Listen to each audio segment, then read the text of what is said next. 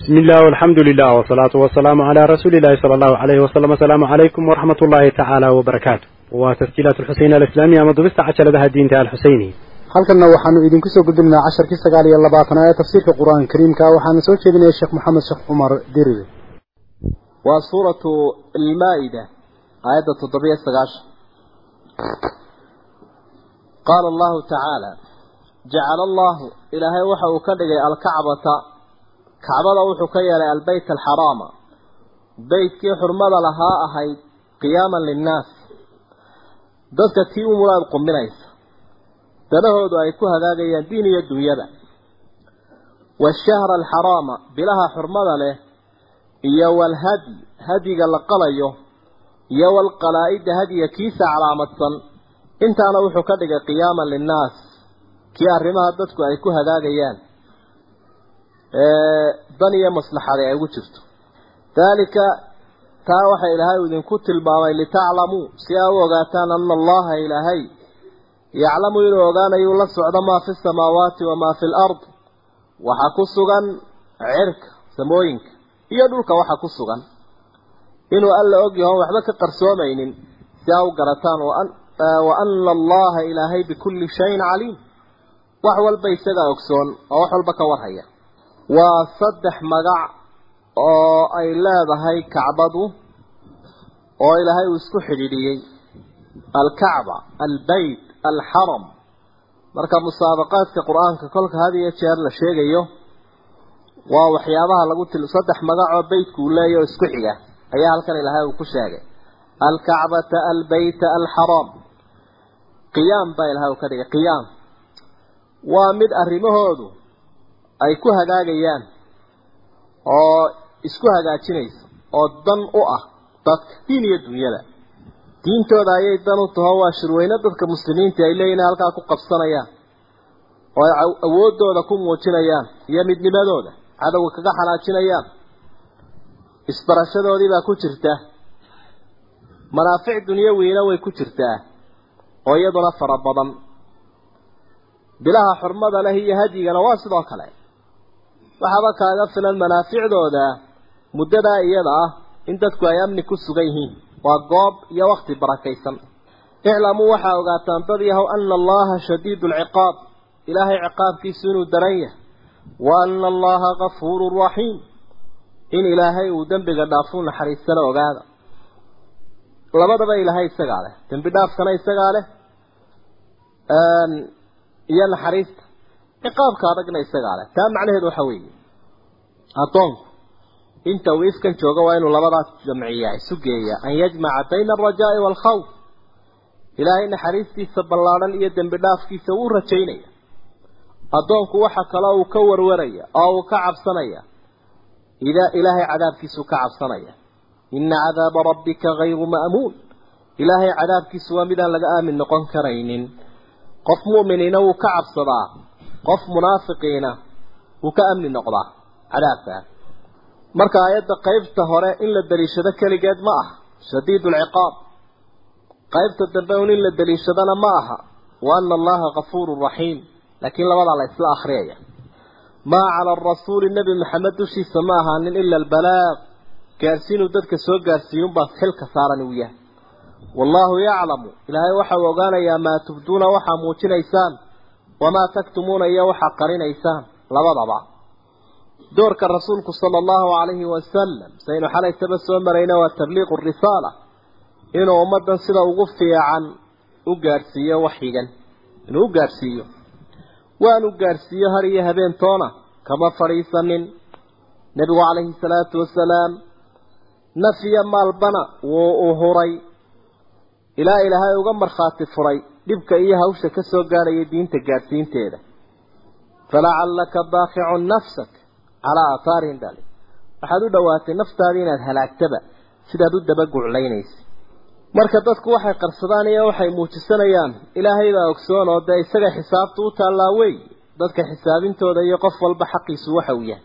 Ee u mutaysta qul waxaad tidhaahdaa nebi maxamed oo laa yastawii ma sina alkhabiisu ka xun waatayibu iyo ka wanaagsan ee hufan walow acjabaka haba ku yaabgeliya kahratu alkhabiis shayga xun farabadhnaantiisu fattaquu allah ilaahay ka cabsada ummad yahay yaa ulil albaab dadka caqliga leh ee waxgaradka ee indheergaradka ahow ee nindoorka ahow ilaahay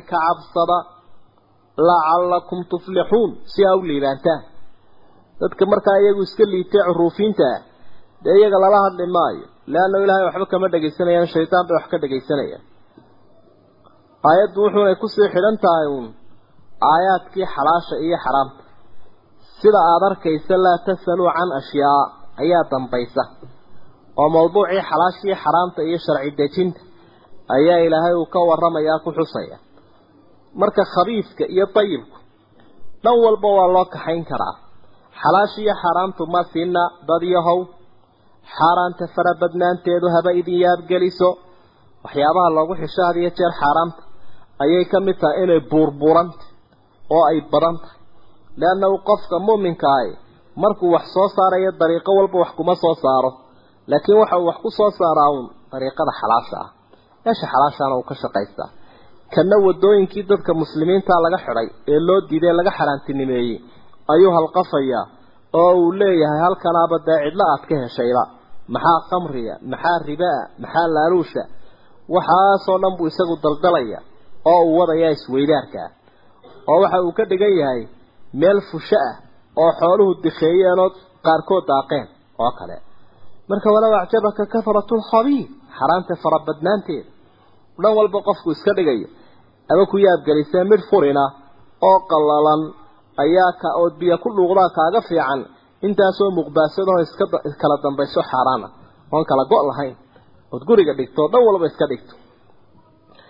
Alkhabiisu waayib masina qofka gaalka ah iyo qofka islaamka ah qofka caabidka ah iyo qofka caasiga ah iyaguna masina labadaasi way kala fog yihiin. Alkhabiisu waayib dalxunka iyo dalsanku iyaguna masina والبلد الطيب يخرج نباته والذي خبث لا يخرج إلا نكدا طلسنك إيا الدلحنك أستاء لها وسبر بردقا الخبيث والطيب عمل كحني عمل كوناكسا إليه يسعد الكلم الطيب والعمل الصالح يرفعه مثل الله بلا سنة أدى وكلا فقين الخبيث والطيب صاحب كوناكسا يا صاحب كحني مثلنا لا بلا يسلوها كيني كرو saaxiibka wanaagsanina wuxuu ka dhigan yahay aljaliisu saalix waa cadar leh. Kan kalena mid buufimo leh ayuu ka dhigan yahay dharku uu kaa guban fattaquu allaha yaa uli lalbaabi lacalakum tuflixuun. Yaa ayuha aladiina aamanuu dadkii alla rumeeyow laa tasaluu ha waraysanina can ashyaaa waxyaabo. In tubda lakum haddii laydin muujiyo laydinka jawaabo tasu'kum idin xumaynaysa. Wain tas'aluu canhaa haddii aa waraysataan oo weydweydiisaan xiina yunazalu lqur'aanu marka qur'aanka la soo dejinayo tubda lakum waa la idin muujin oo la idinka jawaabi cafa allaahu canhaa waxyaabaha weydiiseen laydinka dhaaf wallaahu gafuurun xaliim ilaahay baa dembiga dhaafo oo dulqaad badan oo kuma degdega cidda dembiilaha ah ee fursad buu siiyaa. Ha ku lugoyna dulqaadkiisa.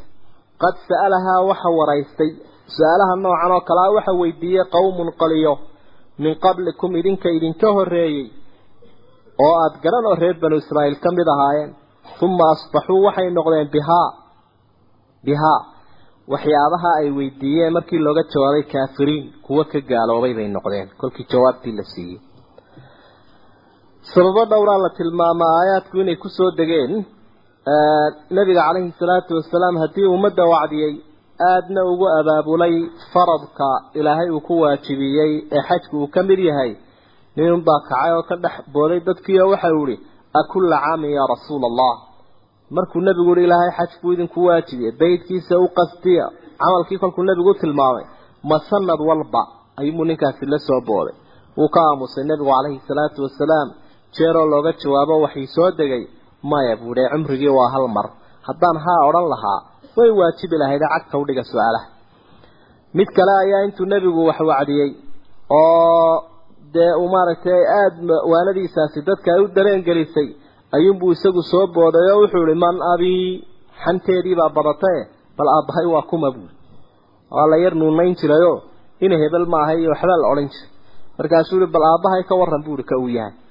Dee kii markaa lagu sheegayay buu ku sheegay nebigu laakiin hadduu nin kale ku sheegi lahaa bal ka war oo la odhan lahaa aabbahaa waa kaa kii lagu sheegayay mid aan hayn. Dee markaa uu dhalaali lahaa dhib baa qabsan lahay. Wacdi buu jeediyey nebigu calayhi salaatu wasalaam nin baa soo booday oo waxa uu leeyahy aabbahay ma jannadu ku jiraa mise naar? Markaa nebigu calayhi salaatu wasalaam wuxuu ihi naar buu ku jiraa wuu dhaqaaqo xoogaa yar markii uu sii socday xadiidka xudayfana uu warinaya saxiixu muslimna uu ku sugan yahay ayuu yeedho waxa uu bal soo celiya.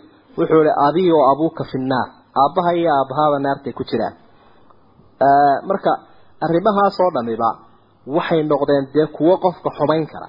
Idan markaa su'aasha aan lilistifsaari walilisticlaami aqoon kororsi aan ahayn ee canaadka iyo halxidhaalaha iyo xananka iyo xadaafiirtu ay ku jiraan waa simaha eegsanaa laakiin su'aashu inay sax tahay oo marka cilmi kororsi ay tahay dee qur'aanku isagaa isfasiraya alla waxa weye fas'aluu ahla dikri in kuntum laa taclamuun maa jacala allaahu rabbi ma jiraynin min baxiiratin mid dhajeex leh walaa saa'ibatin iyo mid lagu nadray walaa wasiilatin iyo mid wax isku xidhiidhisay midnaba iyo walaa xaamin awr qoodha intaa midna ilaahay ma jidaynin oo diin kama dhigin.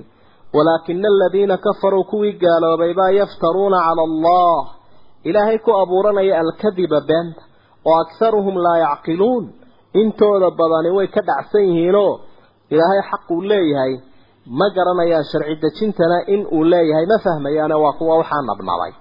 Rasuulku waxa uu yihi sala allahu calayhi wasalam ninka camru bnu laxyi laydhaa waxaan arkay isaga oo yajuru qusbahu fi nnaar mindhicirkiisa jiidaya naarta.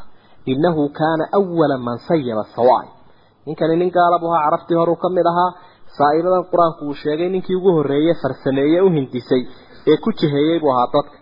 Oo gaaladu si loo yidhaahdo hebel baa waxaa sameeyey taariikhdaasuu reebay mid xun iyo midsa noocay doonaysa ate wuxun bay yeelaanu sida kuwaniba imika ay dhugdhugta dee kolba dhan ula dhaqaaqayaan. Marka ninkaasi naar buu ku mutaystay halkaa waxaa ka cad. Dee ninkii iyadoonu rasuulku soo gaadhinba xumaantii uu sameeyey loo qabsaday.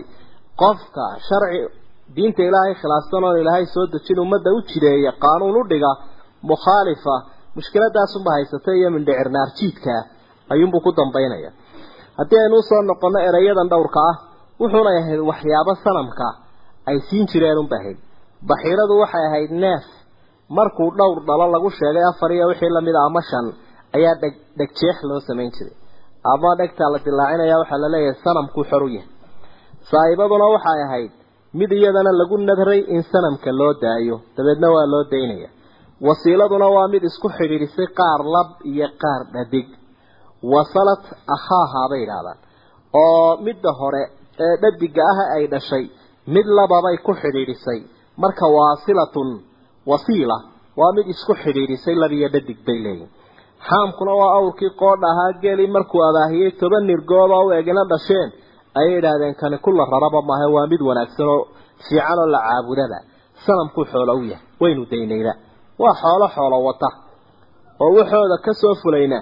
Wax xigmadooda iyo nuxurkooda toona la fahmaya aanu ahayn haddaad tidhaahda maxaa dhegta loo jeexay iyo maxaa loogu nadray iyo neefkan xidhiidhiyey nin baa la yidhi malaha faaliyaha waxyaalo sheeg sheegayay.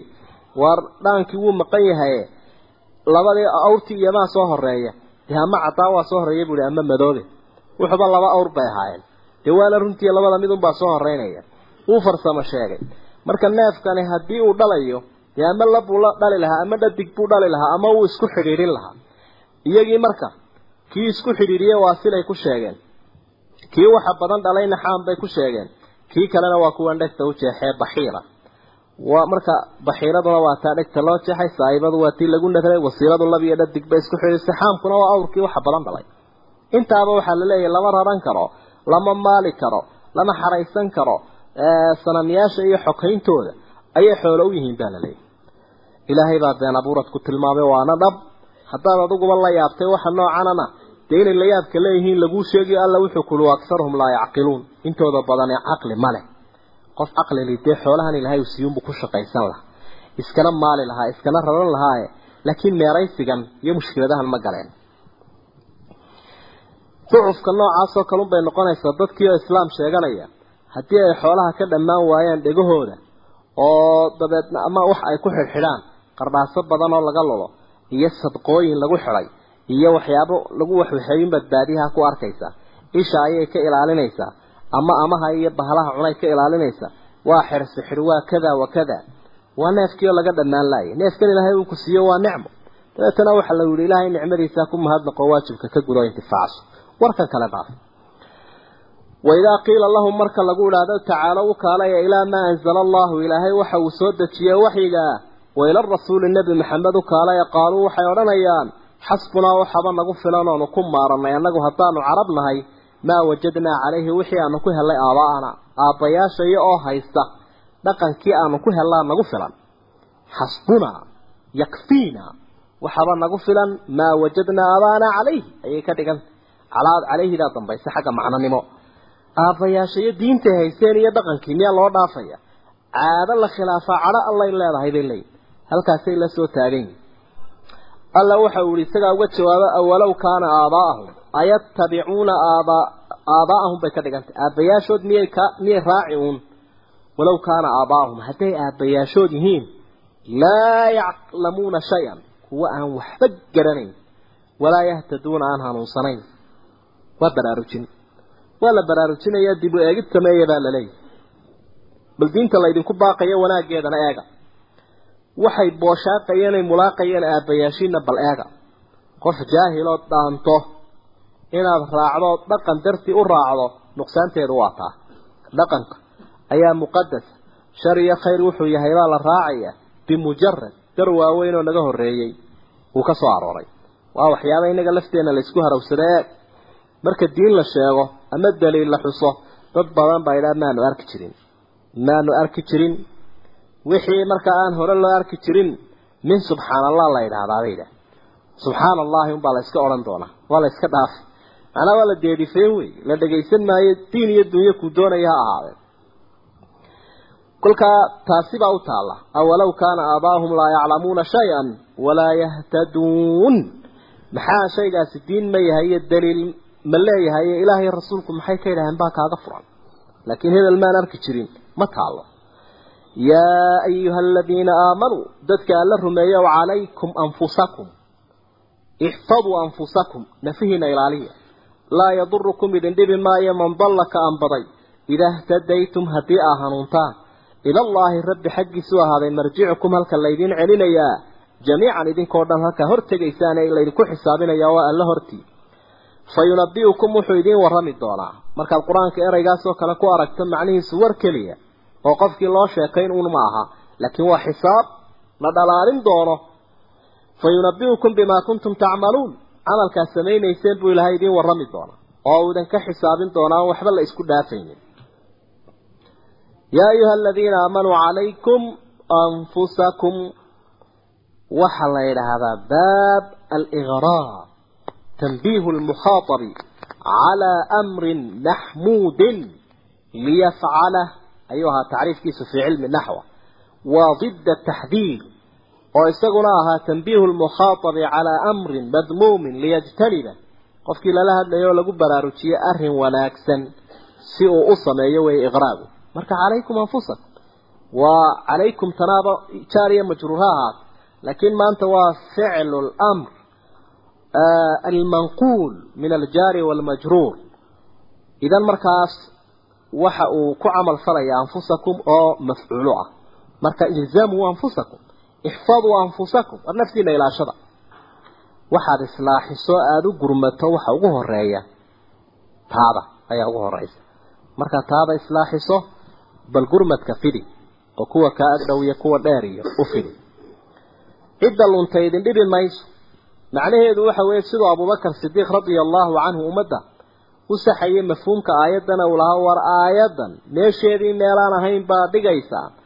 Oo siday loo fahmayay si aan ahayn baa u fahmaysaan. Oo waxaa kaga baxsanaysaan alamru bilmacruuf wannahyu can ilmunkar halka xumaanta dadka u diidi lahaydeen waajibkana fari lahaydeen ayaa aayadda noo soo daliishanaysaan buui way isku kiin dabarogtee sidaa maahae macnuhu waxa weeye dadka waa la farayaa waajibka iyo wanaagga xumaantana waa loo diidayaa.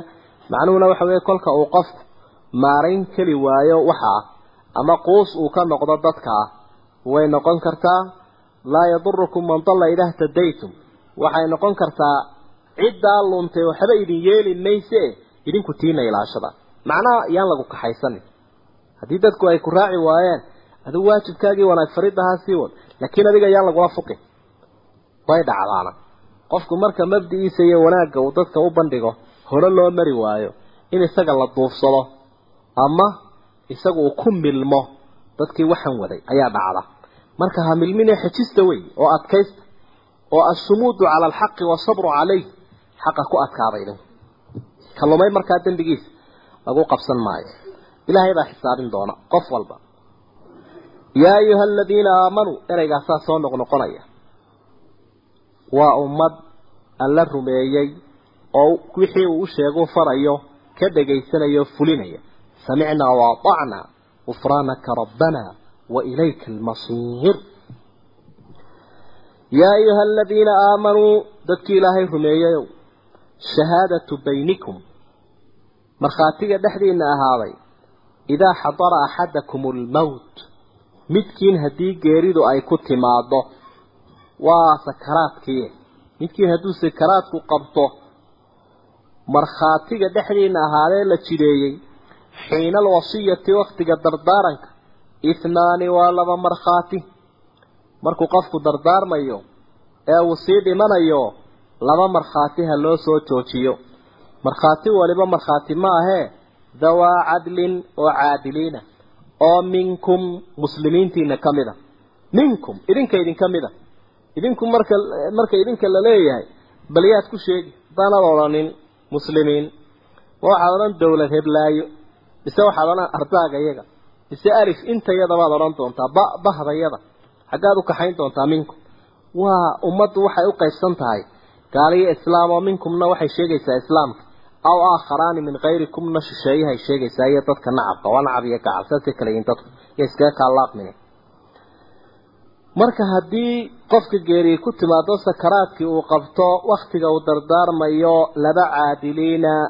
Caadilku waa qofka miyirka qabe kaa markaa hagaagsan ee hanuunsan ayaa caadil laydhaha labadaasaa ayaa markaa hebel dhegaysanaya hadda wixii sawaab noqda dardaarankiisa ah diinta ilaahayna aan khilaafsanayn aljanafu fi lwasiya dardaaran leexsan aan ahayn dadkay soo gaarsiinayaan.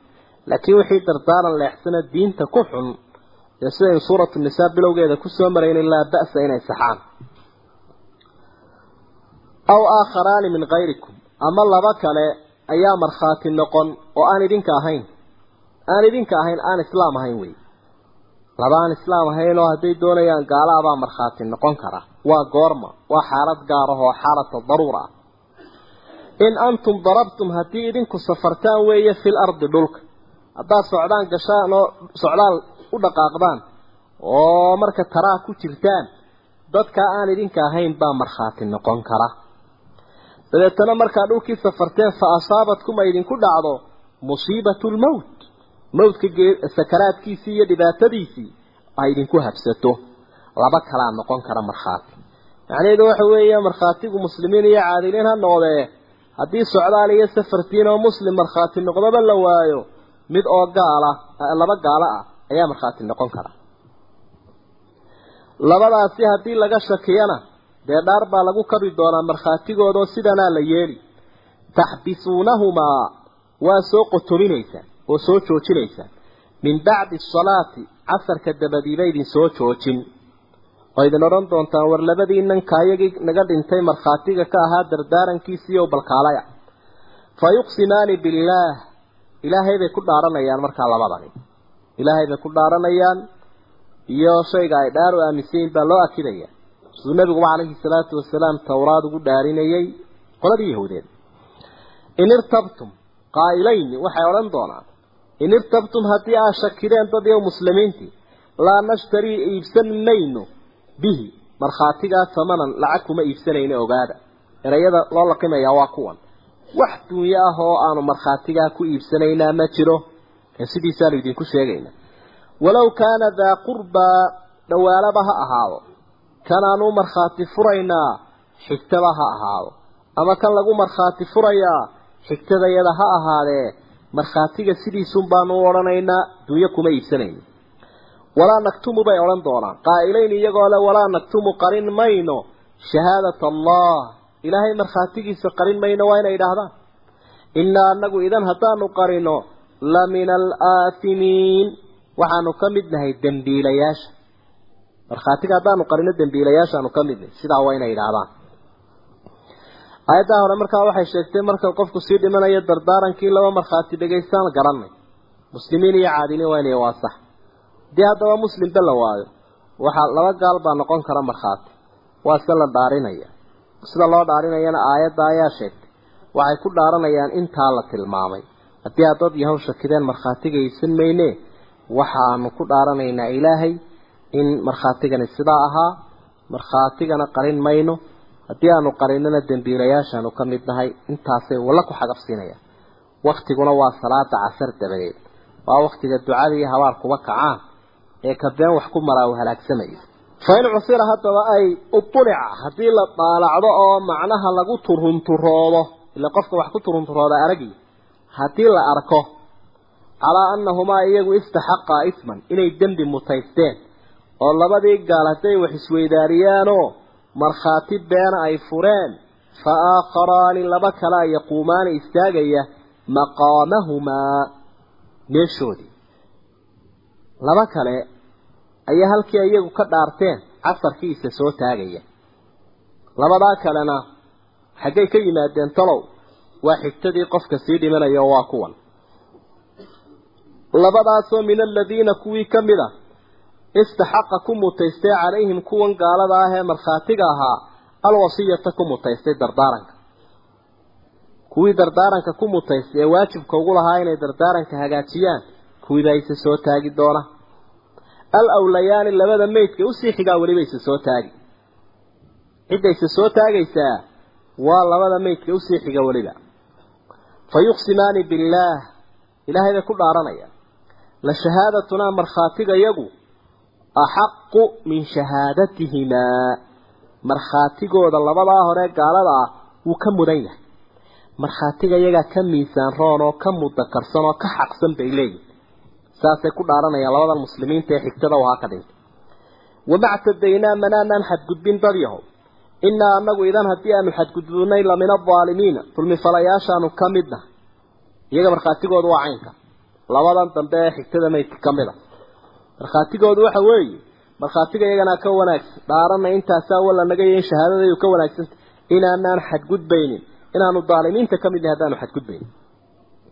Daalika in sidan la isu daba dhigo oo kolka hore markhaatiga kuwa gaalada a laga dhagaysta ee xaalata daruura xaadiray dabeetana haddii wax laga garan waayo kuwan lagu sii xigsiiyo oo xaqiina sidaa uu ku sugmo iyo wixii la isu sheeganayay daalika kaas tartiibta noocaas adnaa waxay u dhowi badan tahay an ya'tuu inay la yimaadaan bishahaadati markhaatiga calaa wajhihaa markhaatigu sidii uu ahaa in ay ula yimaadaan tanaa u dhow oo markuu qofkii ogsoon yahay hadduu wax isweydaariyo in laga daba dhaaran doono wixii ay ku sugmayaan dee marka horeba been kuma dhaaranayo waxna isweydaarin maayo mar kale adnaa isagaa u dhow aw an yakhaafuu halkaa horey ku cadfantay daalika adnaa an yakhaafuu bay ka dhigantay in ay ka cabsadaan an turadda in la celiyo aymaanun dhaaro bacda aymaanihim dhaarahoodii. Waxay ka cabsanayaan in dhaartoodii dhaar laga daba keeno. Oo waxay odhanayaan war haddaynu dhaaranaynu been ku dhaaranno. Dee soo laynaga daba dhaaran maayo marka wixii fashilmaan. Dabeetana wixii sidaa ku sugmi maayo. Oo dhaarteennii dhaar ka dambaysaa lagu radii. Oo laba muslimiin ahoo ka dhintay xigtadiisaaba inaga daba dhaaran. Marka gartooday sii akhrisan markhaatiga sidiisiibay u furi doonaan marka taasaa u dhowi badan sidaa waxay u dhowi badan tahay an yaatuu bishahaadati calaa wajhiha. Waxay u dhowi badan tahay an yakhaafuu an turadda aymaanu bacda aymaani in dhaara laga daba keeno lagu radiyo oo lagu riixo toodii wattaquu llaha wasmacuu dad yahow ilaahay ka cabsado waxaa laydin sheegaya dhegaysta wallaahu laa yahdi alqawma alfaasiqiin. Ilaahay ma ma hanuuniyo waddada fiican cagta uma saaro kuwa fallaagada ah ee iyagu fogaaday ee labada dariiq doortay dariiqii baatilka ahaa. Kuwa ilaahay ma hanuuniyo dee sababta waa inuu qofku la yimaado. Markaa kol haddii ay doorashadoodii dhinaca u dhacday hidaaye ma leh. Caalimka shawkaani ee mufasirka ah waxa uu leeyahay hadihi alaaya. Waxay u badan yihiin mufasiriintu inay tahay asxaabu aayatin fi lqur'aani nadman wa xukman wa icraaban aayadda maaragtay labadan aayadood kuwa qur'aanka ugu adag weeye xagga tartiibtooda iyo xukunkooda iyo macnahooda intaba ibnu carabi kitaabkiisa axkaamu lqur'aan waxa uu leeyahay ilaa soddon sannadood meelaha ah ayaan albaabka aayaddan garaacayo beri danbaan u ega ayaan u yar muuqdaa buui wax sawaabo eg inaan la ii furay. Markaasaa dabeedna uu wax sheeg sheegay cumuuman marka u horreeya culimmadu waxa ay leeyihiin ma muxkamba aayaddu mise waa mansuukh? Aimada qaarkood waxay ku daraan aayadaha mansuukha ah maadaamay ka warantay dee qof gaaloo markhaati noqonaya. Nusuustana waxaa ku badnayd qofka markhaatiga noqonaya inuu yahay qof muslim oo caadil ah. Caadil ah. Marka xaalad gaara bay ahayd dabeedna aayaadka cadaaladda markhaatiga shardiga ka dhigaya ayaa nasakhay saasay ku tegeen. Qayb ka midi laakiin rag badan oo muxaqiqiintii waxay leeyiin waa muxkama aayaddu maadaam suuradduna dee sayn hore u soo xustay ay ahayd suuradihii gadaal soo degay. Waktigii dambe nebiga caleyhi salaatu wasalaam geeridiisu ay soo dhawaatay. Marka waktiga ay tilmaamaysaana waa xaalad gaara dadka muslimiinta ah kolka mid ka mida geeridu ay ku hesho dad gaalaa dhexdood dardaarankiisa waxaa markhaati oo aanu ahayn qof islaama waa la dhaarinaya saasaa lagu dhaarin doonaa marka in lagu fasiraa fiican bay leeyihiin xaaladan safarka ee qofku dhibaatada ay ku dhacday ee uu waayo wax kaloo markhaati noqda. Tartiibka loo gelayaana waa in kuwii hore la dhaariyo haddii laga shakiyana kuwan kale la dhaariyo. Sabab baanay lahayd ay ku soo degtay oo sii fasiraysa aayaddu xaaladaa gaarahun inay lahayd. Ee xukunka ay leedahay inuu xaaladdaa iyo ka shabahaya oo laba nin baa israacay. Labada nin mid islaam buu ahaa midna waktigaa gaal buu ahaa. Qofkii muslimka ahaaday geeridii ku timid. Dabeedna kii kale ayuu dhiibay galaas dahab ah oo uu sitay galaas dahab lagu xarbay. Wuxuu uhi war bareerihii gee anigu anigana waan socdaaye ninkii galaaskii reer makuu ka iibiyey muddo kadib ayaa galaaskii la soo helay. Waxaa dhaartay ninkan dhintay laba ay xigto ahaayeen. Galaaskiina sidiibuu ugu xukumay nebigu calayhi salaatu wasalaam. Xukunkana sidii ayaa ilaahay uu ku sii sugay. Marka waxay sababtu sii iftiiminaysaa xaalad gaara oo xaaladda baahi timaada inay aayaddu sheegayso ayay sii iftiiminaysaa marka haddii dee duruufi ay timaado wax kale la waayo shahaadada faasiqa in la aqbali karo ayaa aimada qaarkood ay xusaan. Meelahay daliishanayaanna waa ka mid. Mar haddii qof faasiqa mooyaane qof kale markhaatigiisii la waayo xuquuqda dadku si aanay u dhacmin faasiqiinta laftooda laga dhagaysta bay leeyihi marka inta kale waa iska wada maaragtay iska soo dhadhawaan karta laakiin halkaa hore ee ilaahay uhi fain cuthira calaa annahumaa istaxaqaa isman fa aakharaani yaquumaani maqaamahuma. Haddii ay caddaato in dembi ay galeen laba kala istaagaya meeshoodii labadaasoo min aladiina kuwii ka mid a istaxaqa calayhim ku mutaystay istaxaqa ku mutaystay calayhim kuwan wax loo sheeganaya ee dee gaalada ahaa alwasiyata dardaaranka ku mutaystay xaq waxay ugu yeesheen inay dardaarankii soo gaadhsiiyaan iyo wixii dunyo ay sideen. Kuwaa xigtada wa ka dhintay ma wada dhaaranayaane al awlayaani baa dhaaranaya. Icraabkeeda haddaynu isdhilaano sheeg sheega wuu inagu dheeraanaya. Laakiin al awlayaani waa bedel. Faacilkumay markaa bedel ka tahy marka al awlayaani meydka labada u xiga ustuxiqa iyo istaxaqa waa jirtaa alawaliina iyo al awlayaani baa jira. Marka kaynu maraynaa waa istaxaqa musamaa iyo awlayaan oo isaguna sidaa laba tasniya u ah. Alawlayaani labada u sii dhow meydka weeye kuwa dhaaranaya oo sidaa ku dhaaranaya soo socota. Taasina waxay dawo ka tahay in markhaatigu sidiisa u socdo. Qofkuna fashilaa dambe ku dhacdo uu ka boqo waynu ka socono alla waxa uhi yawma maalin xus nebi maxamed oo yajmacu allahu rusul. Ilaahay rususha uu isu keeni doono. Ilaahay baa rususha isu keenaya. Intaynaan soo dhaafin halkaa aynu macnaynaynay macnaha waxa soo raaca mid labaad malaha aqwaasha ay mufasiriintu marinayaan. Oo odhanaya min aladiina kuwii kamida istaxaqa calayhim ay ku mutaysteen. Alawlayaani labadan meydka u dhowey an yuqadimuuhumaa lishahaada inay markhaatiga u qadimaan cidda dhaaranaysaa waxa weeye ciddii yeelatay dardaarankan xaq u yeelatay labada u sii dhow qofkan dhintay kuwaasaa dhaaranaya. Oo waxay ku mutaysteen dadka kale dhexlayaasha ah inay markhaatiga u qadimaan ay yidhaahdaan oo war hore idinku u gala dhaarta oo dee dhaarta. Yawma yajmacu allahu rusula xusmaalinku ilaahay rususha isu keeni doona fa yaquulu wuxuu odhanayaa maadaa ujibtum maxaa la idinku jawaabay? Rusulay. Waataan idin diree bal jawaabtii umadaha ka warrama. Qaaluu rusushu waxay yidhahdeen laa cilma lanaa ilaahay ogaansho ma lihin. Inaka adigu anta adigu callaamu lguyuub alla waxa maqan oo dhanka aada u ogsoon baad ilaahay dee war baad u haysaa marka rasushu laa cilma lanaa kolkay leeyihiin waa xaaladaha qaarkood. Oo dee nebigu calayhi salaatu wasalaam waa kii xusay in dadku ay wada wareerayaan. Rusushuna maalintaa dee ay kelmadaa leeyihiin allahuma sallim sallim. Ilaahay badbaado badbaado. Ama ilaahay bay dee u tawaaducayaan markay hadalkan leeyihiin. Oo wallahu aclam ti asxaabtu ay odhan jireen oo id waqti xus nebi maxamed oo qaala allahu ilaahay baa waxa uli maxkamadii baa la taagan yahay iyo carasaadkii qiyaamaha goobtii banaanayd ee la isugu yimi.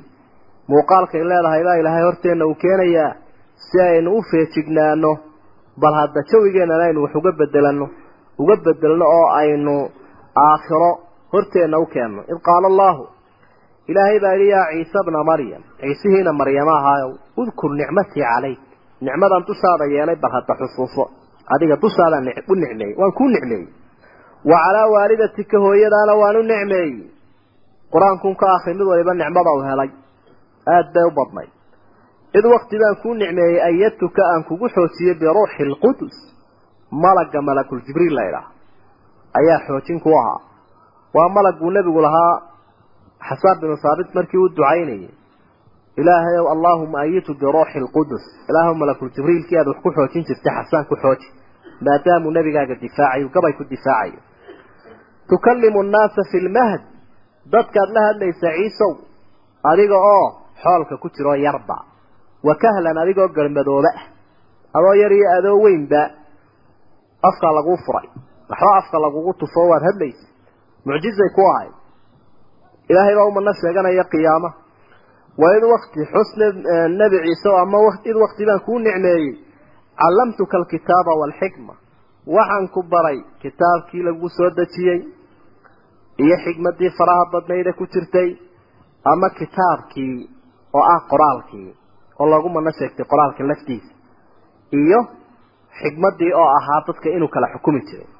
Waaltawraata waalinjiil tawraad iyo injiil labadaa kitaabna lagu bar waa lagu baray. Taasina waa nicmo waa id wakti xus ama id wakti baan kuu nicmeeyey takhluqu min atiini dhoobada. Waxa aad ka samaynaysay ka hay'ati tayr shimbir oo kale. Dhoobadaasunbuu sidaa yaryarku ay awrki iyo hasha iyo uga sameeyaan ayuunbu isaguna nabnabayaa wuxuu ka sameeyey uun. Shimbir buu ka sameeyey wax muuqaalkeed. Leh shimbirtaa waxba inagama xidhna ma digaagad bay ahayd mise taawus mise fiidmeel waxaad ku arkaysaa dugaha qaarkood inay fiidmeel ahayd. Kay doonaysa ha ahaato waa su'aalihii la diiday ee la yidhi marka haddii lagu weydiiyo laguhaa dhoobadan shimbirtuu ka sameeyey noocay ahayd. Su'aalihii la diiday wey maxaa ku jira? Birkii ku jiray waa mucjisaday ahayd oo waatan way muuqataa shimbirtay doonaysaa. Kahayati dayri baad ka samaynaysaa biidni amarkayga iyo ayaad ku samaynaysaa fatanfuku fiiha. Markaasaad afuufaysaa. Waad afuufaysaa fatakunu dayran shimbir bay noqon nool oo duulaya. Biidni qudradayda iyo awoodaydu ku noqon. Shimbir warshada ilaahay inbuu ka soo boodaya. Oba makhluuq. Wa tubri'u waxaad bogsiinaysaa alakmaha waalabrasa ka isaguna indhalaawahee danta ah. Isagana waad bogsiin. Iyo ka baraska qaba. Cudurkan barasku waa bele mid dam ah iyo mid baras qaba. Labadaba waad bogsiin. Ilaahay awoodiisa biidni mar walba waxaa loogu qaydayaa dee dad baa ayaa ciise ku lugo-ay oo yidhi ilaahay inuu ahaa dee waxaan o dhan buu abuuraya oo la sheegayba. Ilaahayna wuu dabraya wuu dabraya. Biidni biidni baa lagu qaydaya marka sidaasay tahay oo masiix ayaa lagu magacaabay. Liannahu yamsaxu alcaahaat wixii aafa anbuu saa masaxayaa dabeedna waa muluq mucjisadiisaasina la yaab bay lahayd oo waktigaa dhakhtarnimada iyo cilmigaasaa ayaa dadku ay ku baacdheeraayeen oo la isugu tar sheegan jiray tiibuu wada reebay marka dad oo dhan. Waa id wakti baan kuu nicmeeyey tukhriju lmawta biidni. Kuwa dhintay ayaad soo noolaynaysay ood soo saaraysay ilahay dhamkiisa soo noqday ayaad ka dhigaysay qofka ah. Soo noqday baa jiray waktigaa iminka ma jire. Dabadeedna qofkii dabow soo baxa unbuu leeyahy ama hebelow. Intuu xabaalii tago waa kuwaa soo murmur yidhi ama ha hadlaan ama ha fadhiistaan ama ha socdaan. Maxay naga galay? Midka mucjisada waa ilaahay baa soo nooleeyey mucjisaana looga dhigay sidaa waa id wakti xus. Ama id wakti baan ku nicmeeyey kafaftu aan kaa hakiyey oon kaa difaacay bani israa'iila canka reer banu israa'iilkii ku soo weeraray. Ayaa aan kaa hakiyey oon kaa duway on kaa hiray. Id wakti bay ku soo weerareen ji'tahum bilbayinaat mucjizooyin cadcad baad ula timid iyo aayaad cadcad faqaala aladiina kafaruu minhum. Kuwii gaalada ahaa ee reer banu israa'iil ka mid ahaabaa soo fayfaytay oo waxay yidhaahdeen in haadaa kaa uu sitaa mu ahaanin ilaa sixrun mubiinu waa sixir cad bay yidhahdeen in haadaa waa bilbayinaat ayay u noqonaysa waxaanuu keenay bay yidhaahdeen ama dad ha nooleeyo ama wax si kasta ha yidhaahdo ha masaxee waa sixir arkaysaan waa sixrun mubiin bay kadalika ma ata aladiina min qablihim min rasuulin ilaa qaluu saaxirun aw majnuun. Dhaqan bay ahay waid wakti baan ku nicmeeyey awxaytu ila alxawaariyiin. Xawaariyiintii baan u waxyooday. Ilaahay baa qalbigooda sidaa dhigoo waxyulilhaam baa hay quluubtoodii baa sidan soo socoto lagu helay oo lagu ilhaamiyo lagu sakhiray xawaariyiintuna waa nimankii xoojiyayaashii iyo gurmadka ciise ahaa. An aaminuu baa ilahay uhi rumeeya b aniga wa birasuuli rasuulkaygana rumeeya. Saasaa ilahay uu ku ilhaamiyey. Qaaluu waxay idhaahdeen intay jawaabeen kolkiiba aamanaa allow ku rumaynay. Adigiyo rasuulkaagaba oo waxyigaa qayb ahe waa waxyi alilhaam oo quluubtooda sidan ilaahay uu ku adkeeyey oo tani ku samaysantay ku rumayne washhad biannanaa muslimuun. Markhaati ka noqo inaanu muslimiin nahay. Dad hoggaansamay sidaasay yidhahdeen id qaala alxawaariyuuna nimankaa xoojiyayaasha ciise ahaabaa waxay yidhaahdeen idtu xagga horun bay la socotaayoo udkur nicmatii calayka wacalaa waalidatik id wakti baan kuu nicmeeyey id id id oo soo noqonoqonaysa waata midba midda kalea laga bedelaya waxa aan kuu nicmeeyey id qaala alxawaariyuuna xawaariyiintii ayaa iyaga oo ciise ku daba faylay oo heelan oo rumeeyey. Ayaa waxay yidhaahdeen arrinkoodana sii taxqiijinaya oo mucjiso doonayay yidhaahdeen. Yaa ciise bna maryam? Ciisihiina maryamo ahaayow bay yidhahdeen xawaariyiintu. Hal yastatiicu rabbuka ilaahaagu ma karaa an yunazila calaynaa maa'idatan min asamaa inuu ilaahaagu ma karaa inuu nooga soo dejiyo maa'idatan xeedho min asamaai xagga kore an yunzila iyo yunazila labadaba la odhan karaa xeedho inuu xagga sare ilaahay ka soo dejiyo ma karaa waad yar dareentay kolka xawaariyiintii oo leh aamana washad biannanaa muslimuun inay haddana yidhaahdaan ilaahay ma karaa waa arrin aada yar dareemayso saasoo kale un bay culimaduna u dareemeenoo dabeetana waxay yidhaahdeen diidma ma ahee waxa weeye hal yastatiicu rabbuk ay hal yajcalu rabbuk. Ilaahaagu ma noo yeelayaa inuu xeedhadan soo dejiyo. Kol hadday dee dad mu'miniina yihiin alle kartidiisa iyo awooddiisa kama shakisane. Alla ma noo yeelayaa bay yidhahdeen inuu sooriyo bixiyo casuumaduu fidiyo. Maa'idaduna dee waa raashin badan oo xeedho ku jira. Suuraddana waa meesha loogu magac daray halkani suuratulmaa'ida waana qisada halkan oo quran ku soo aroortay qur'aanka qaala markaa wuxuu ihi ittaquu llaha in kuntum mu'miniin. Alla ka cabsada haddaad rumaysantihiin oo su'aalahan sidoodaba ma yeelayaa iyo ma nasiinayaa iyo waxyaabahaas waa meelaha ummadaha laga raaco. Markay cidhib go'ayaan halka laga raaco wey. Sidaa darteed ayaa markii ay nimankii quraysheed nebi maxamed ku yidhaahdeen de inaad rasuulta waabaanu kuu rumayn doonaaye bal hadda buurahan safa dahabiya ka dhig malakul jibriil hadduu weydiiyey waxa uu ku yidhi war halkaa haddii su'aashaa loo yeelo dabeedna ay isagoo de ilaahay ka keenaya jawaabta oo ay beeniyaan waa la halaagay sidii kuwa hore loo halaagay. Marka ilaahay ka cabsada saasuu leey qaaluu waxay idhahdaan nuriidu waxaanu doonaynaa an naakula minhaa inaanu wax ka cunno watadma-ina quluubunaa qalbiyaasha iyaduna ay ku xasilaan oo mucjiso iyo aayad iyo ay noqoto. Wanaclama aanu ogaano an qad sadaqtanaa in aada noo run sheegtay wanakuuna aanu noqono calayhaa xeedhadan min ashaahidiin kuwa ka markhaati kaca inay mucjizo tahay dee arrinka iyagu waa liyadma-ina alqalbu baydah iimaankii waa haynaa laakiin waanu sii wuu sii degi. Annaguna markhaatigaanu nahay baa sii weynaan. Waxaanu dad kula doodniyo mucjisana waanu heli. Cilooyinkooda hadduu ku qancay ilaahay buu baryo qaala wuxuu ihi ciis ciise bnu maryam baa yidhi allaahumma ilaahay ow rabbanaa yaa rabbanaa anzil calaynaa maa'ida ilaahay ow xeedho nagu soo deji min asamaa'i xagga kore ka soo deji takuunu lanaa ciidan ciid noo noqoto liawalinaa wa aakhirinaa annaga kaayaga hore iyo kaayaga dambeba maalinay ciidaan ha noqoto wa aayatan minka mucjiso xaggaaga ka ahaatayna ha noqoto warsuqnaa ilaahay ow bal raashinkaana si wa anta khayru raasiqiin kuwa wax arsaaqaad ugu khayr badantahe ilaahay ow loo aqbal qaala markaa allah qaala allahu ilaahay baa yidhi innii munaziluhaa calaykum anigu waan idinku soo dejin faman yakfur bacdu minkum ka ka gaalooba idinka mid a aayadnimadeeda fa innii ucadibuhu markaa waan ciqaabi kaa cadaaban cadaab baan marin. Laa ucadibuhu aanan marinin oonan ciqaabin axaddan min alcaalamiin. Mid caalamiinta ka mid a cadaab aan la soo marin baa lagu ridi bal haddee mucjizadii ilaahay ay dee diideen.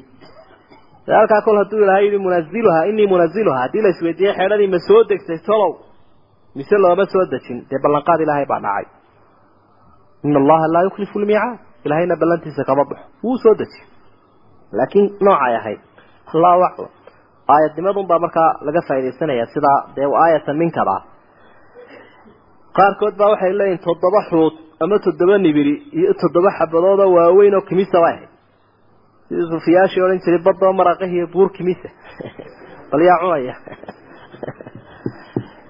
markay macnaha qof u ducaynayaan u bushaaraynayaan bay leeyiin waanu kuu ducaynay aabo baduna waa maraq buurtuna waa kimis. Marka ama kimis ha ahaato ama xuud ha ahaato ama noocay doonaysa ha ahaatee waa aayad wey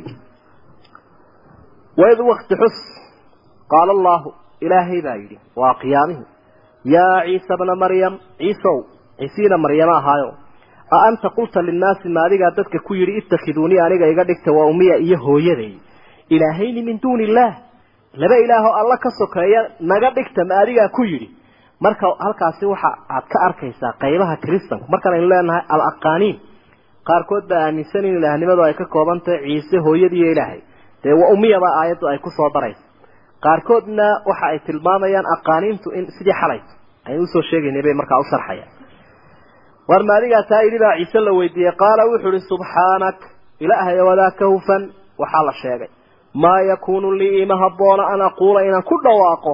Maa laysa lii bixaq waxaan gari iyo i ahayn oon iga kaa qaban. Wuu istifaacaya waa xaqna wuu sheegaya.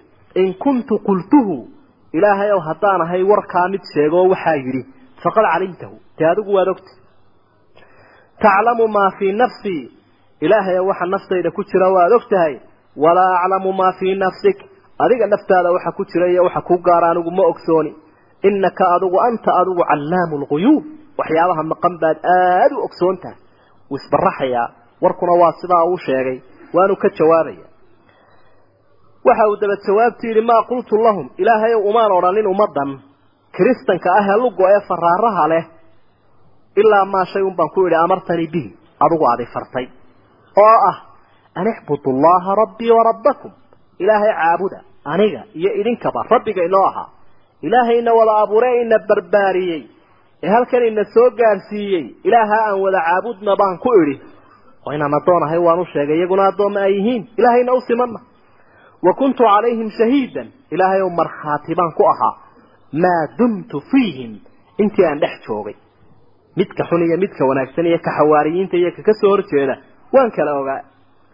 Falamaa tawafaytanii ilaahay ow kolkaad iga keento halkaa iga soo kaxaysay kunta waxaad ahayd anta adigu alraqiiba calayhim dadka ilaalinayaad ahayd ilaan anigu addoon yaroo soo dhintay baan ahaaye. Waxaan ka warhayeyba ma jirin. Wixii ku dambeeyey ilaahay ow adiga ayaa ku ogsoon. Wa anta calaa kulli shayin shahiid. Ilaahay ow wax walba markhaati baad ka tahay. Shay walba waad arkaysa gebagabadii buu qadimeeyoo dabeetana iyo midhkii meesha kala gudbanaayo waxau ihi in tucadibhum. Ilaahay oo imikaba haddaad cadaab barisa fa inahum cibaaduk adigay addoommahaaga yihiin. Aniga addoomma iima ahay aday addoomma kuu yihiin ilaahayow. Wain takfir lahum haddaad u dhaaftana fa inaka adigu anta alcasiizu alxakiim kii awood badan ee xikmad badan baa tahay. Ilaahw labadaba waad yeelaysaa talmiix.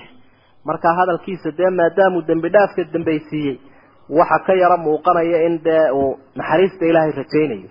Laakiin dee waa dad gaalaa wey nebi maxamed calayhi salaatu wasalaam habeenada qaarkood oo suuraddan uu ku cibaadaystay halkaasay la dhaafi weyday qiradu oo aayaddaasuu ku cibaadaystay habeen dheer oo dheer. Wain in tucadibhum fainahum cibaaduk. Wain takfir lahum fainaka anta alcasiizu alxakiim riwaayaadka qaarkoodna waxay sheegayaan inuu nebigu ooyo calayhi salaatu wasalaam bakaa wa abkaa dadkana uu ka ohiyey haddii la yidhi maxaa soo kordhayna? Waxa uu ihi ummatii ummatii ilaahay baan ummadii uga dacwooday oo macnaha ummadda u doodayaa nebigu caleyh hadduu ciise sida yidhi aniguna waxaan idhi bu i ilaahay ummadaydi ilaahay ummadaydi ilaahay ummadaydi malakul jibriil baa dabeedna ilaahay uu iisoo diray xadiidku waa saxiix weeyaan. Marka waxau ihi ummadaada kugu hoojin mayne waanu kugu raali gelin doonaa xagga abaalmarintooda eh iska aamus markaa rasuulku sala allahu calayhi wasalam waa kii lahaa ummaddan waxaa jannada gelaya toddobaatan kun oo lagu dhuftay toddobaatan kun. Intaasun isku dardi oo bikayri xisaab. Aan xisaab la marinaynin baa jannada liiska ugu horreeya ka gelaya. Oo nebi maxamed ku xigaya calayhi salaatu wasalaam innaguna waxaynu baryaynaa allahuma ajcalna min haaulaai.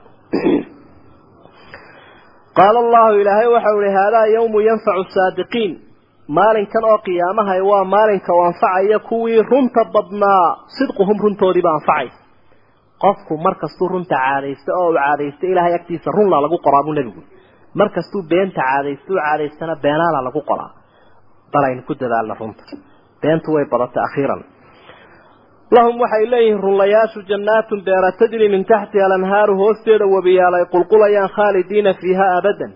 Weligoodba way ku waarayaan radia allaahu canhum iyagu ilaahay baa ka raali noqday. Waraduu canhu iyaguna ilaahay bay ka raali noqdeen.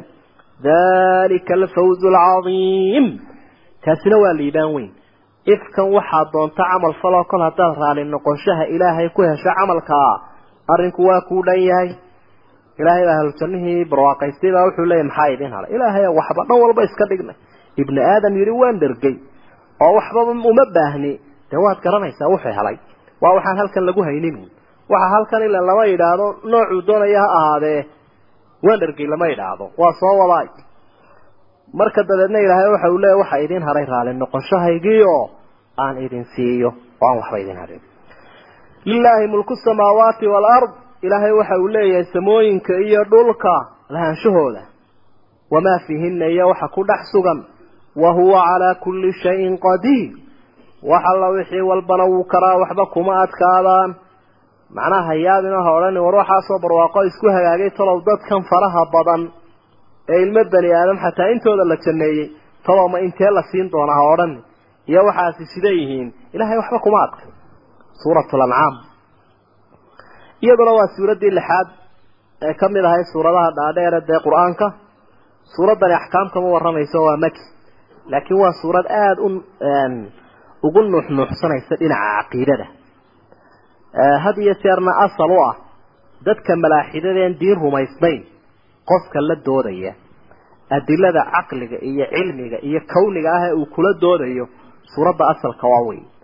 Waa suurad ina baraysoo muuqaal kaa siinaysa diin la'aantii carbeed iyo jaahiliyadu nooca ay ahayd si aada u xusuusato bal dadka aan diinta lahayn imikana foolxumadooda iyo muuqaalkooda aada wax uga aragto dabeetana isu barbar dhigto iyo islaam siduu u badbaadiyey waa suurad uu ku badan yahay laba usluubo aada u cajiib ahoo suuradaha ku yar oo ah usluubu talqiin wa usluubu taqriir usluubu taqriir ereyga wahuwa wahuwa wahuwa baa soo noqnoqon doona. Ilaahay waa kacaynkaas waa kacaynkaas waa kacaynkaa yeelay arrimahaasaa la taqriirinaya. Usluubu talqiin baa ku badan oo nebiga loo laqimayo qul ereyga abaa intee oo jeer suuradda haddaad tiriso soo noqonaya. Oo loo laqimaya laleeyahy saade oo saade oo saade. Ibnu cabbaas waxa u leeyahy radia allahu canhu radia allahu canhuma haddaad doonayso dhaqankii carbeeda liitay muuqaalkiisa inaad hesho iyo waalidoodii waxa aad eegtaa aayaadka boqol marka aad gaadho suuratul ancaam halkaa ka akri say u silamaayeen bismi illaahi araxmaani araxiim alxamdu lilah mahad ilaahay baale aladii khalaqa asamaawaati waalard ilaahay abuuray samooyinka iyo dhulka. Wa jacala adulumaati wannuur. Gudcurka iyo iftiinkana isagaa sameeyey. Uma aladiina kafaruu kuwa gaalada ahi birabbihim uma intuu awoodahaa yeeshay.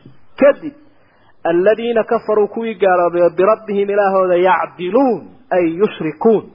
Ilahay bay wax kale la caabudayaanay u shariig yeelayaan. Alxamdu lilah quluu alxamdu lilah wey. Waa shanta suuradoode ku bilaabma ereygaas ilahay bayna baraya usluubu taqriirkii aynu xusayni baa bilaabmay huwa aladii waa ilaahay khalaqakum idinka abuuray min tiinin dhoobo dad yahow isla waaweyne waxaanay ahayn isu haystaa uma qadaa ajalan wakti buu go'aamiyey oo goortuu qofkaasi dhimanayo. Wa ajalun musaman muddo magacaabanina cindahu agtiisay ahaato waata uu adduunyadan meesha ka saarayo. Uma antum idinku inta awoodaha aragteen tamtaruun waa shakisantiinaha shakiina. Wa huwa ilaahay allah ay ilmacbuud ka lagu caabudo weeye fi samaawaati wa fi lard cir iyo dhulba.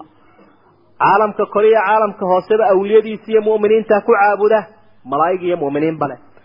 Yaclamu waxa uu ogaanayaa macnaha fi samaawaati jaariya majruurkaasa lafduljalaalaha ku tacalluqaya lafduljalaalaha macnihiisa ah almacbuud sida maaragtay aimadu ay ku fasirayaan tafsiirka ugu raajixsan weeye cinda salaf. Yaclamu sirakum wa jahrakum. Waxaa qarsanaysaan iyo waxaa muujisanaysaan wuu ogaanaya wayaclamu maa taksibuun. Waxa aad shaqaysanaysaanna aad buu ula socdaa. Abaalmarin baa dambaysa.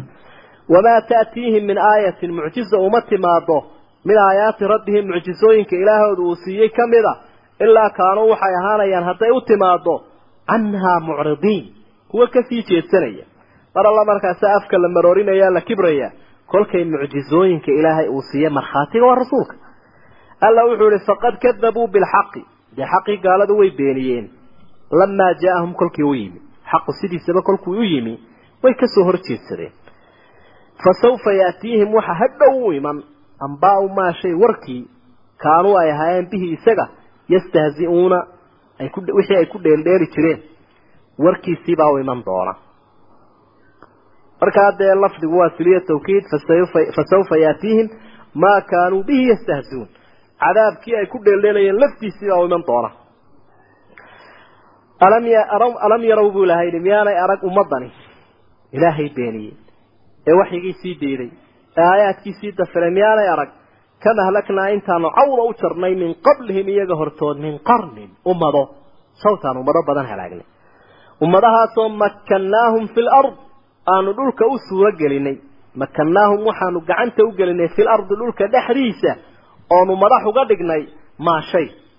Awoodo badan oo lam numakin lakum aanaan idinka gacanta idiin gelinin. Waxaanaan idiin suuro gelinin baanu ummadaha u suuro gelinin wa arsalna asamaa calayhim samadii waxaanu uga soo daynay dushooda xagga kore midraaran roob fara badan oo israacraacsan wajacalna alanhaara wabiyaashii waxaanu ka yeelnay tajri min taxtihim hoostooda mid qulqulaysa fa ahlaknaahum bidunuubihim ummadihii intaasoo dhan loogu barwaaqeeyey. Markay ilaahay dafireen ay nicmadiisii ku mahadnaqi waayeen waxa lagu halaagay bidunuubihim buu ahaa la iskama halaagin wa ansha'naa waxaanu soo abuurnaanu curinay min bacdihim ummadaha kadib qarnan aakhariin ay quruunan aakhariin ummado badan oo kale. Suuratu huudun akhri halkaasaa dabeedna laga bilaabayaa nebi nuux calayhi salaam ilaa sagaalkaa nebi iyo ummadahooda marka taariikhdu waa inay anfacdaa dadka. Taariikhdu waa inay waaniya waxtar u kordhisaa. Taariikhdu waa inay saxdaa ummadaha dambe. Hadii kale xayawaan bay noqon doonaan waxba faa'iidaysan kari waayeen walow nazalnaa calayka buu ilahay yidhi haddaanu kugu soo dejino nebi maxamedow kitaaban fii qirdaasin kitaab ku qoran xaashiyo. Oo qoranba daabacan. Falamasuuhu biaydiihim dabeetana gacmahooda ay ku taabtaan oo la isla dhaafaba dareenkii isha oo dareenkii gacanta la isla gaadho. May rumaysteene laqaala aladiina kafaruu kuwii gaaloobay wuxuunay odhan lahaayeen in haadaa ilaa sixrun mubiin. Maa haadaa ilaa sixrun mubiin kani waa sixruun kaa aynu taabanay waa sixir ayay odhan lahaayeen. Ka maglafan wey wa qaaluu waxay yidhaahdeen lawlaa unzila calayhi malak. Oo miyaa maxamed lagu soo dejiye bay yidhahan malag maa malag lagu soo dejiye? Malag dee u markhaati fura. Walow anzalnaa malakan buu ilahay yidhi haddaanu malag soo dejin lahayn laqudiya alamru arrinka waaba la dhammayn lahaaba. Uma laa yundaruuna looma kaadiyeen. Cagtaba looma dhigeena waa la rogi lahaa halkaasay ku halaagsami lahay walow jacalnaahu malaka haddaanu rasuulka laftiisa malag ka dhigi lahayn. La jacalnaahu rajulan. Wuxuunaanu ka dhigi lahayn nin ilaa malag isma afgaranayaan maba eegi karayaan malag ilaahay oo ma agiman karayaan. Baalashiisiiyo waa malaa'ig haddii loo keeno uli ajnixatin mathna wa hulaatha wa rubaac may agtegi kareen. Ee malagga laftiisa muuqaal nin yeelan lahaa. Walalabasnaa calayhim waxa aanu iyaga ka dheehgelin lahayn. Ama ka qarsoomi lahaa maa yalbisuun waxan ay imikaba qarinayaane ay ka shakisan waxaanu ka shaki gelin lahayn waxa imikaba ka shakiyeen.